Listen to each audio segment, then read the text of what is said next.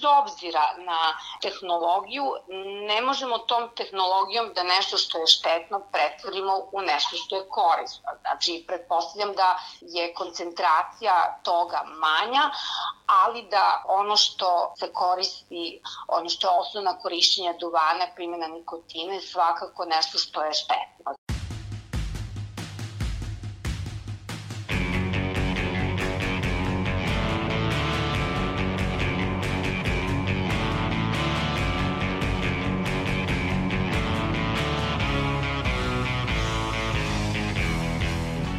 Slušate novu epizodu podcasta Reaguj nezavisnog društva novinara Vojvodine. Moje ime je Iva Gajić, a na podcastu rade i Irena Čučković, Nemanja Stevanović, Sanja Kosović i Sanja Đurđević. Da li se sećate telefona u svim oblicima i bojama za koje smo svaki put iznova morali da učimo kako se koriste? Bio je pravi pakao pronaći punjač ukoliko nismo poneli svoj ili smo ga izgubili. Šta biste pomislili da su vam tada rekli da će nekoliko godina kasnije istim punjačem moći da se pune maltene svi telefoni, ali i cigarete? U današnjoj 58. epizodi podcasta Reaguj razgovaramo upravo o tim high-tech cigaretama, ali i o drugim nikotinskim alternativama. Prema podacima Svetske zdravstvene organizacije, epidemija konzumiranja duvanskih proizvoda je jedna od najvećih pretnji po javno zdravlje sa kojima se svet ikada suočio. Duvan godišnje, po njihovim podacima, ubije više od 8 miliona ljudi širom sveta. Više od 7 miliona tih smrtnih slučajeva rezultat je direktne upotrebe duvana, dok je oko 1,2 miliona rezultat nepušača izloženih pasivnom pušenju. Pušim cigara već 7 godina od 17 godina, ali nikada nisam bio teški pušač, pošto pušim tipa kutiju nedeljno maksimum. Pušim već skoro četiri godine zapravo, a kada gledam koliko dnevno popušim cigareta, pa varira, sve zavisi. Ukoliko jedem neka druženja tokom dana, žurke, sedeljke ili nešto tog tipa, onda, onda pa otprilike, pošto ja pušim duvan, ispušim negde oko 20 cigareta, što opet nije ekvivalent kutiji cigara, ali hajde da kažemo da jeste. Psihološkinja Dunja Topalski kaže da je pušenje navika koje se najčešće preuzima od roditelja. A pa uglavnom se kreće u ranom dobu kada gledamo, uglavnom je po modelu sve, znači ako imamo pušače u porodici, najčešće postanemo i mi pušači, eventualno se nekad dogodi da se nekim ljudima zgade cigarete, to je zeci zgade od, od, od nekih, od strane nekih pušača, ali većinom zapravo pušimo zato što smo viđali pušenje kod svojih roditelja. Međutim, počinje se i bez uticaja i učenja od roditelja i takvi pušači imaju bolju perspektivu za njih je bolja perspektiva da prestanu. Uglavnom, statistički oni češće prestanu da puše. Znači, počnu uglavnom i da puše čak kasnije, što je bolje isto za, za prestanak i uglavnom više njih lakše ostavi cigarete. Znači, statistički oni koji propuše, a bez da nisu u okruženju pušača, puše kraće nego pušači koji su imali pušače u porodici i koji su ranije počeli da puše. U cilju odvikavanja od klasičnih cigareta, često se neki pušači okreću nikotinskim alternativama, poput sistema za zagrevanje duvana. Svetska zdravstvena organizacija jasno ističe da su svi oblici duvana štetni, te da ne postoji siguran nivo izloženosti duvanu. Iva, kaži nam šta kažu građani koji su prešli na ove sisteme. Sanja, razgovarala sam sa građanima i građankama Novog Sada koji koriste neki od nikotinskih uređaja i pitala ih da mi kažu razlog zašto su prešli sa klasičnih cigareta na neku od alternativa. Jedan od najčešćih razloga jeste smrad dima običnih cigareta koji alternativni nikotinski uređaji nemaju. Može da se puši u stanu, a da se brzo, da miris brzo ispari i drugo, mislim da su manje štetne nisam sigurna. Cigare se počeo da pušim tako što mi je lik u prodavnici, odnosno promoter ponudio da probam. Imao sam želju da probam nešto drugo. Probao sam i nastavio sam sa ovim cigarama. Što se tiče prednosti, e, one su nepostajanje dima, odnosno ne, nema nepretnog zadaha iz usta, nema u garderobi, nema u prostoriji, nema dima, može da se puši bilo gde. Na Ajku sam prešla zato što Prvenstveno zato što je manja količina duvana u cigareti, a drugo zato što nema dima, nema mirisa na odeći, kosi. Pa zato što pevam i onda sam ovaj, prestao da pušim duvan, jel, klasične ove cigare i počeo sam da pušim ajkos zato što mi pomaže zbog pevanja. Kako ti kažem, manje kaše, znači nema to kašljanje ujutru i tako dalje i tako bliže. Mislim, ono, manje ti smeta, nego nemaš taj katran, jel, preko ovoga, nego ti radiš u stvari ti uvlačiš paru, jel tako? Da li zdravi, nije zdravi, pušiš pa pušiš, mislim, ovaj. Jeste ti lakše, znači nemaš to kašljanje ujutru. To je jedina u suštini razlika koja mi prija. Ne pucati glas, toliko i tako. Pluće su, kako se sećamo iz škole, filter vazduha koji nam omogućava da dobijemo kisonik koji se dalje šalje u organizam i koristi za druge bitne funkcije u našem telu – Pulmološkinja Tatjana Pejčić za podcast Reaguj navodi da sve što nije čist vazduh i tekako utiče loše na naša pluća. Sve ono što je u našem okruženju, pogotovo duvanski dim, e, predstavlja nadržaj disanih puteva i pluća i sklonost razvoju mnogih bolesti to je jedna neminovnost, zato mi apelujemo, ne samo mi lekari, nego uopšte u svetu ta svest o e, zdravom životu, o čistom vazduhu i tome slično postoji od uvek i to je ono što je preporuka. S druge strane, e, te naše navike e, nekog zadovoljenja, pa i mode, koja postoji, neka, neka naša nervoza da se smiri nekim agensima je od uvek postojala. Od tobaga, duvana koji su američki domoroci pušili, pa preko dolaska duvana u Evropu i velikog buma između dva rata i nakon drugog svetskog rata, duvanski proizvodi su bili sastavni deo naše kulture, ali i umetnosti i filma. Dr. Kapejčić podsjeća da je tek 70. godina došlo do svesti da duvanski proizvodi, iako moderni, nisu baš poželjni u životima ljudi jer sadrže brojne čestice i hemikalije koji se dodaju da cigareta lepo izgleda, ali ipak loše utiče na zdravlje pacijenata.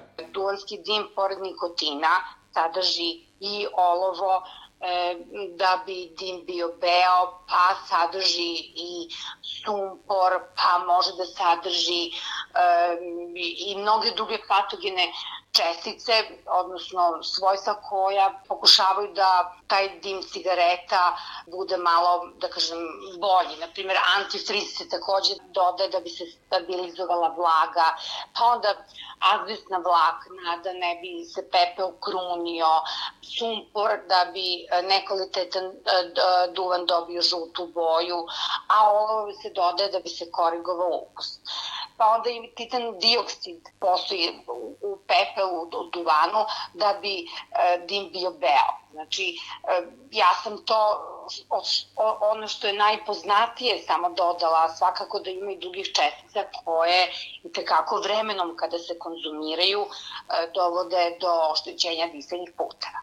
O samoj štetnosti cigareta znamo, a to je shvatila i duvanska industrija – U poslednje vreme sve češće se nailazi na proizvode koji se ne koriste kao cigarete. U pitanju su duvanski proizvodi koji se zasnivaju na zagrevanju, a ne na gorenju duvana.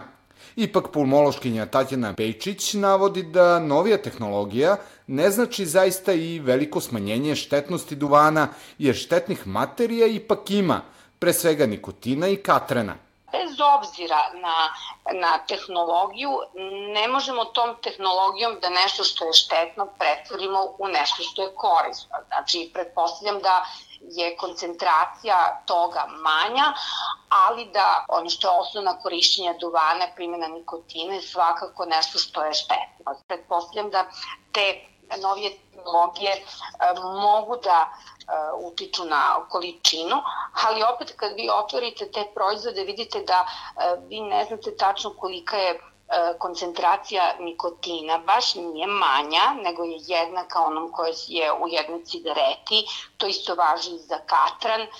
Mislim da se radi na tome da je prisustvo ugljen monoksida manje, ali pitanje je zašto je žut filter, zato što se plastika topi koja postoji unutra neka mala, mala količina, znači je prisutno materija koje mogu da budu noksi, koje mogu da budu štetne i dalje. Ipak, osim razlike u načinu na koji se duvan koristi, Pejčić kaže da do sada nije došlo do nalaza koji ukazuju na to da se nesagorevajući duvanski proizvodi razlikuju u mnogome od onih koji sagorevaju. Vreme će svakako pokazati e, i za ovo moje za i protiv mora da postoje uvek u stručnoj literaturi dokazi. Znači, za sada dokazi ne pokazuju da je oboljevanje onih ljudi koji koriste te novije generacije, nove proizvode korišćenja duvana, da je oboljevanje manje. U Facebook grupi Podcasta Reaguj postavili smo baš to pitanje. Da li su alternative cigaretama zdravije? Velika većina odgovora bila je ne. Nisu zdravije. Samo nekolicina slušalaca odgovorilo je da alternative pomažu da se ostave cigarete ili da su ipak zdravije. Međutim, osim nesagorevajućeg duvana, mladi alternativu cigaretama nalaze i u nekim drugim vidovima pušenja – Nekoliko godina unazad pojavili su se specijalizovani lokali koji nude šiše ili ti nargile. Iako nije nužno koristiti duvan kao osnovu, može doći do velikog respiratornog problema, a profesorka Pečić podsjeća na slučaj epidemije tuberkuloze kod mladih novopazaraca krajem 2016. godine. Pre nekoliko godina je bila manja epidemija mladih ljudi koji su oboljevali od tuberkuloze u Novom pazaru. Iz analizom stručnih lica pomoške komisije pri Ministarstvu zdravlja e, Srbije e, ekipe su odlazile na teren epidemiologa, u stvari izvor infekcije su bile nargile. Znači nismo mogli da zatvorimo i školu i ovo i ono, ali kad se onda odu u kafić ili negde drugde i koristi nešto što se tek ne, nešto malo promeni, a e, iz istog uređaja se koristi dim ili tako dalje, ovaj, e, onda tako se bolest prenosila. Kada je reč o elektronskim cigaretama u kojima nema duvana, već se zagrevano ulje pretvara u paru, Pulmološkinja Tatina Pejčić navodi da ni to ne može biti dobra, zdrava alternativa cigaretama. Upravo zbog pare koje nam smete i pri kupanju, ni ova alternativa nije dobra upravo iz tog razloga. Određena para može štetiti disenim putevima. Znači da je to sad već naglo akutno oštećenje disenih puteva. Ja zaista ne znam šta bi još mogu da se drže te elektronske cigarete, znači pretpostavljam da to nije obično vazduh koji se zagrevaju pa da je to onda pasak u tom obliku nego da mora da ipak ima, da sadrži neke hemijske substance koje bi nalikovale i imitirale duvanski dim. Osim sistema za zagrevanje duvana, važno je pomenuti i neke manje poznate alternative koje su danas popularne među mladima, a to su svakako snuf i snus. Upotreba duvana bez dima, kakav je snuf ili snaf koji se šmrče, svakako izaziva zavisnost i šteti zdravlju, jer duvan bez dima sadrži mnogo toksina koji uzrokuju rak i njegova upotreba povećava rizik od raznih karcinoma i zubnih bolesti. Tako barem navodi i Svetska zdravstvena organizacija. Međutim, snus koji se stavlja ispod usne ipak je malo komplikovanija priča.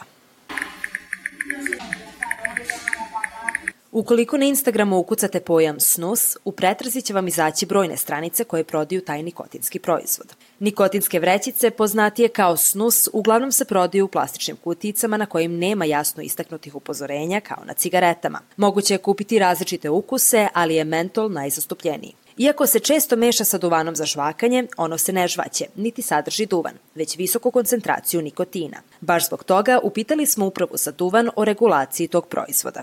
Oni su naglasili da zakon o duvanu ne prepoznaje snus kao vrstu duvanskog proizvoda, a da uprava za duvan nije dobila ni zahtev za registraciju te vrste proizvoda. Zakon o duvanu prepoznaje duvanske proizvode koji su specijalno pripremljeni za žvakanje, ali snus ne spada u tu kategoriju. Oni su zato skrenuli pažnju da je važno napraviti razliku između duvanskog proizvoda koji je specijalno pripremljen za žvakanje, to jest one koji sadrži duvan i pakuje se u male kesice, i proizvoda koji ne sadrže duvan, ali sadrže nikotin, koji su u stvari nikotinske kesice. Iz uprave su istakli da prisustvo nikotinskih vrećica na tržištu dovodi do mnogih zabluda jer se ovaj proizvod u žargonu naziva snus. Ipak, iako proizvodi koji ne sadrže duvan, ali sadrže nikotin, nisu predmet regulisanja zakona o duvanu, iz uprave kažu da su svakako predmet kontrole nadležnih inspekcijskih organa koji vrše kontrolu proizvoda pri uvozu, odnosno puštanju u promet na tržište Republike Srbije. Osim sa upravom, razgovarali smo i sa onima koji su konzumirali ove proizvode. Sagovornici podcasta reaguju i objašnjavaju razliku između snusa i snufa. Pravi snus je pasta i to se oblikuje u dolanu u poželjni oblik i ona se stavlja ispod gornje usne, ali komercijalno pakovanje koje danas mogu da se kupe na većini mesta dolaze već u oblikovanim paketićima koje se samo stavljaju ispod usne a snaf se šmrče preko nosa. Ovaj, tako što ili na prst možeš da staviš duvan, tak, tako bukvalno duvan prahu i da ga zapravo namažeš u nozdru i da povučeš ili u obliku kao, možemo tako kažemo, crta. Sagovornici koji su probali ili aktivno koristili snuf i snus podelili su za podcast Reagu i svoje iskustva sa ovim nikotinskim proizvodima. Pa došlo je do korišćenja snusa tako što preko nekih drugara oni su mi kao rekli e, to ti je kao cigara što se tiče nikotina, samo nemaš katrane i toga. Ja sam bio u fazonu kao ma to je sprnja ovo ono. I neki dan mi je ostalo kod mene od njih e, kući, ja sam stavio i uzao sam da radim i ono, to me fokusiralo baš, baš me ono out zonu, alo od svega i mogao sam bolje da se fokusiram na rad i to. To mi se sviđalo počeo sam tako da koristim. Koristio sam sigurno dva mjeseca, tri. Osjećaj je, ne znam kako to pišem, samo te out zonujete od svega, spustite i ono, više se fokusiram na neke stvari. U početku, posle, posle nema nikakav osjećaj kad se navikneš na to, posle nema nikakav osjećaj, samo, samo, samo ti treba nešto da ti u ustima, da ti stoji i ispod usne. A snus sam nabavljao isto preko tih drugara, oni su imali nekog čovjeka koji je to uvozio iz Njemačke i onda e, tako sam kupovao preko njih. A prestao sam da koristim e, pa ima sigurno jedno 4-5 mjeseci. Ne znam, potpuno nisam, nisam vidio njegovu svrhu više da ga koristim i nisam, nisam imao potrebe više da koristim i samo sam batalio da koristim. A i čuo sam neke priče da može, može da se oslijepi od toga, može još nešto da se desi i onda sam bio u fazonu, neće, dosta što sam koristio, koristio sam. Probao sam snus prvi put dobivši ga od prijatelja iz Finske. Rečeno nam je da je jedan paketić tog snusa ekvivalentan nikotinu iz 30 cigara zapaljenih odjednom, ali sam nisam verovao i naravno uzeo sam jedan snus i mogu da ga poradim sa jednom i pod zapaljenom cigarom, pošto jeste veliki udarac nikotina odjednom, ali kratko traje. Snaf sam probao sa 17 godina ubrzo nego što sam počeo da pušim cigare, tako što ga je neko doneo iz Mađarske ili iz neke druge države u Evropskoj uniji i celo društvo i ja smo probali. To je brži udarac nikotina i jači, pošto se ušmrkava preko nosa, ali veoma kratko traje i nikome nije bilo ništa specijalno. Pa mogu reći iz neke čiste zabave i radoznalosti, mada stvarno ja sam možda manje pušio, jer to stvarno mnogo jače udari nego cigareta. Baš ono, pogotovo ako preteraš, ako uneseš previše toga u sebe, stvarno može da primjerati glava, boli i slično, tako da nije baš najbolje.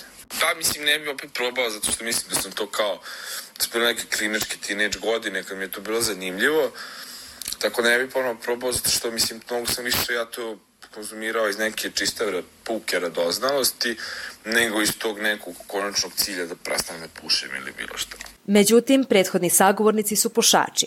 A kakav je snus iz perspektive nepušača? Jedan sagovornik podelio je sa nama svoje neprijatno iskustvo koje je imao konzumirajući snus. Nisam pušač, nikad nisam ni bio. Ovaj, zapalio sam, vjerojatno mogu da zbrojim na jednoj ruci koliko sam zapalio cigara u životu. Tri.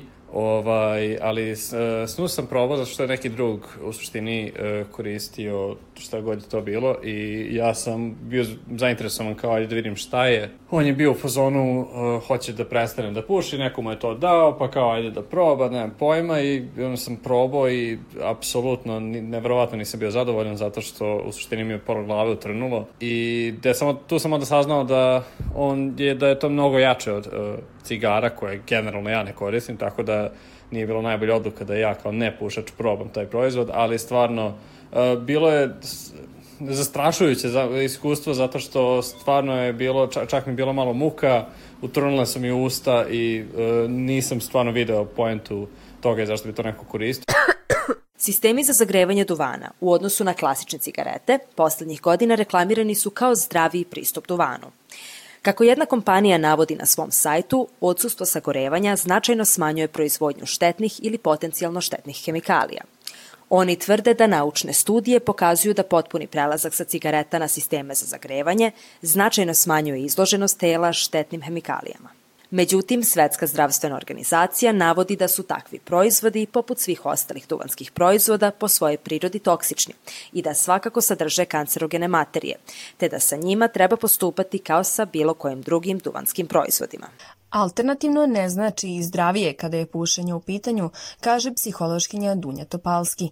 S obzirom da je ovo pre svega jedna navika, nikotinski flasteri, žvake i slično nisu dovoljni, jer zavisnik često zapali i pored njih. Od ljudi koji koriste zamene se čuje da imaju manje problem sa plućima, ali i dalje ostaje pušenje, čak povećavaju količinu, a nekad zapale i cigaretu pored toga. Inače nam u zavisnostima postoje zamene za sve, tako da, ne znam, kad neko konzumira narkotike može uzeti drugi narkotik, tako da suštinski to ne rešava problem. Dakle, zamena nam je samo, eto, zapravo bi najbolje rešenje bilo da se zameni nekom zdravijom opcijom. Dakle, i napušta se zavisnost tako što je menjamo zdravijom opcijom. Na primer, da ispunjavamo vreme, recimo sad hoćemo da, da prestanemo da pušimo, nije nam cilj da kažemo, e, ja moram da prestanem da pušim, nego prvo da vidimo koliko smo spremni da se posvetimo tom problemu, ali recimo sad, ako je neko pušač, pa ne znam, puši često u kolima, ajde da izbacimo u kolima da pušimo, ali uvedemo nešto drugo tu da radimo. Dakle, uvek moramo kada izbacujemo jedno, pogotovo kad su u pitanju navike, treba da ubacujemo drugo. A kako su se tokom vremena reklamirale cigarete i kako je došlo do tolike upotrebe? Ono što je zanimljivo za njihov marketing nije samo to kako se on razvijao, već i činjenica da je konzumacija nikotinskih proizvoda više puta prelazila granicu od poželjnog do društveno i legalno neprihvatljivog. Tako je u 17. veku britanski kralj James VI apelovao da se upotreba duvana smanji što je više moguće, a njegovu konzumaciju opisao je kao naviku gnusnu za oko, mrsku prema nosu, štetnu po mozak i opasnu po pluća. Jedna od prvih poznatih reklama nikotina u Sjedinjenim državama bila je objavljena u njujorškom dnevnom listu 1789. godine. Tada su američka tržišta duvana bila lokalna. Potrošači bi duvan uglavnom tražili po kvalitetu. Preferencije prema robnoj marki javit će se tek nakon 1840-ih. U Evropi mnoge zabrane duvana ukinute su tokom revolucija 1848. godine, a cigarete su najpre pravljene u Sevilji. Velika potražnja za njima bila je među vojnicima u Krimskom ratu, kao i kasnije u Američkom građanskom ratu. U isto vreme javno zdravstvo savetovalo izbegavanje žvakanja duvana, što je povećalo konzumaciju cigareta. Razvoj nekih oblika štampe, poput litografije krajem 19. veka, doprineo je efikasnijem brendiranju pakovanja cigareta. U istom periodu mašinsko motanje zamenjuje dotad praktikovano ručno motanje cigareta. Masovna proizvodnja time utiče i na pojeftinjenje cigareta i omogućava njihovu širu upotrebu. Tako je 1913. godine u Sjedinjenim državama jedan brend cigareta po prvi put oglašava na nacionalnom nivou. Ubrzo potom javljaju se novi antipušački pokreti koji utiču na to da se u 26 država u Sjedinjenim američkim državama zabrani prodaja cigareta maloletnicima.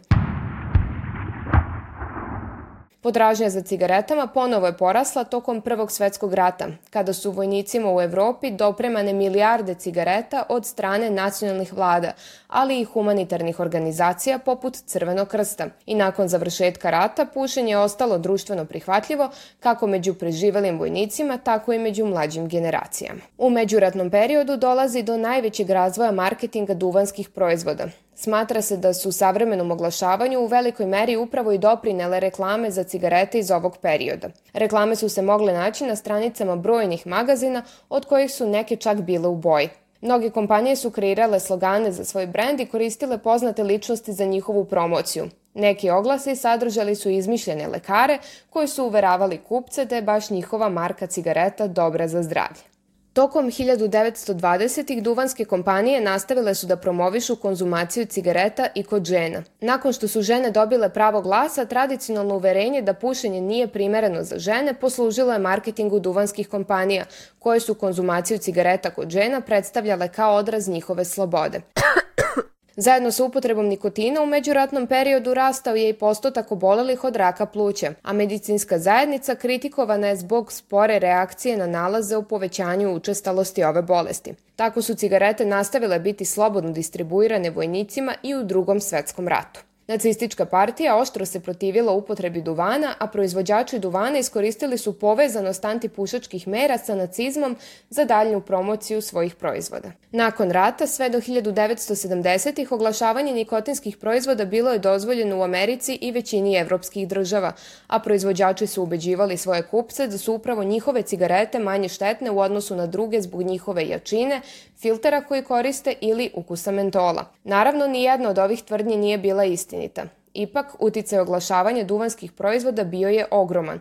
Kampanja sa Marlboro Manom, započeta 1954. godine, uspela je za praktično nekoliko meseci da pušenje cigareta sa filterom, koje se ranije smatralo ženstvenim, pretvori u maskulin čin. Tek 1964. godine, nakon objavljenog jednog zdravstvenog članka u Americi o bolestima povezanim sa upotrebom cigareta, države počinju sa zabranama oglašavanja duvanskih proizvoda i uvode se obavezna upozorenja o njihovoj štetnosti na pakovanjima. U 1970. duvanska industrija nastavila je negirati nalaz o štetnosti cigareta, tvrdeći da nikotin ne izaziva zavisnost. Zabrane reklamiranja duvanskih proizvoda ni do danas nisu u potpunosti redukovale njihovo oglašavanje, već je ono postalo subtilnije i indirektno. Nekada na televiziji, radiju i u štampi, a danas, na primjer, u vidu promocija, sponzorstava i produkt placementa na filmovima i u serijama. Wikipedia navodi i da su zanimljivo pušači na filmu uglavnom predstavljeni kao uspešniji i privilegovaniji likovi koji se, za razliku od pušača u stvarnom životu, gotovo nikada ne zakašlju. Rešenje ovog komplikovanog ličnog problema nalazi se u motivaciji koja se gradi vremenom, a ne dolazi se do nje preko noći, mada deluje tako. Mentalno zdravlje proizvodi zdrave navike, navodi psihološkinja Dunja Topalski. Motivacija treba da bude dublja, dakle ne može, ej sad treba prestane da pušim samo zato što je to štetno. Ono pušenje jeste štetno, ali to zastrašivanje nigde ne pomaže, pa ne pomaže ni kod pušenja. Dakle, uglavnom se motivacija svodi na spoj više faktora pa se onda tu spoji, ne znam, evo recimo često prestanu žene da puše kada ostanu trudne. I onda često čak e, ne puše ni dok imaju decu prvih, recimo, dve, tri godine jer nemaju vremena. Ali se opet dogodi da dosta njih ponovo krene da puši. Generalno se pušenje, što se kaže statistički, ostavlja posle nekih u proseku šest pokušaja.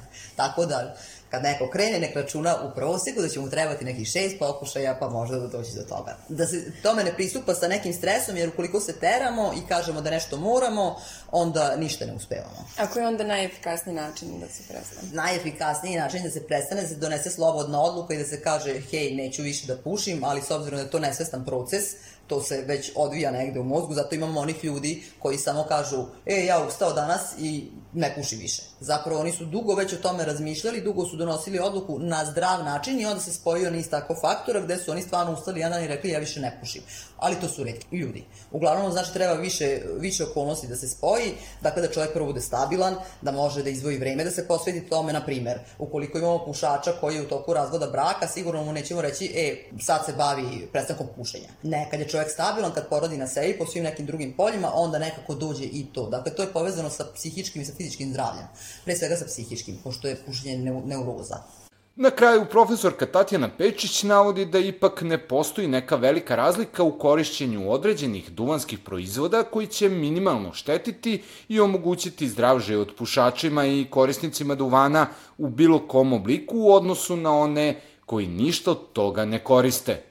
Ono što je osnovno što se, o čemu se najviše zna i čemu se pričalo i zašto je e, duvanska industrija morala da napravi neke m, korake e, napred, da po, proba da sadrži ove ljude koji će koristiti duvan, a opet i aparati budu malo, da kažem, možda tehnički bolji i smanja štetnih efekata, ali e, između onog ko uopšte ne koristi duvan i ko koristi bilo koji preparat u bilo kom obliku i e, proizvod, te nove generacije, to svakako bi savjetovala da ljudi, pogotovo mladi ljudi, ne koriste duvan. Ovim završavamo 58. epizodu podcasta Reaguj koju smo govorili o alternativnim cigaretama i drugim nikotinskim proizvodima. Da li vi mislite da su spomenute alternative zdravije od klasičnih cigareta? Pišite nam svoje mišljenje na društvenim mrežama, na Facebooku, Twitteru, Instagramu i TikToku. Slušamo se ponovo uskoro, a do tada ne zaboravite da čekamo na vas, vaše komentare i predloge tema. Sva pitanja i predloge možete nam poslati i na adresu podcast.ndnv.org. Naš rad možete pratiti na kanalima na iTunesu, Stitcheru, Castboxu, Sounderu, Spotifyu, Google podcastima kao i na sajtu podcast.rs. Ukoliko želite da nas podržite, uradite to baš šerovanjem, komentarom, deljenjem svoje priče ili preko sajta donations.ndnv.org.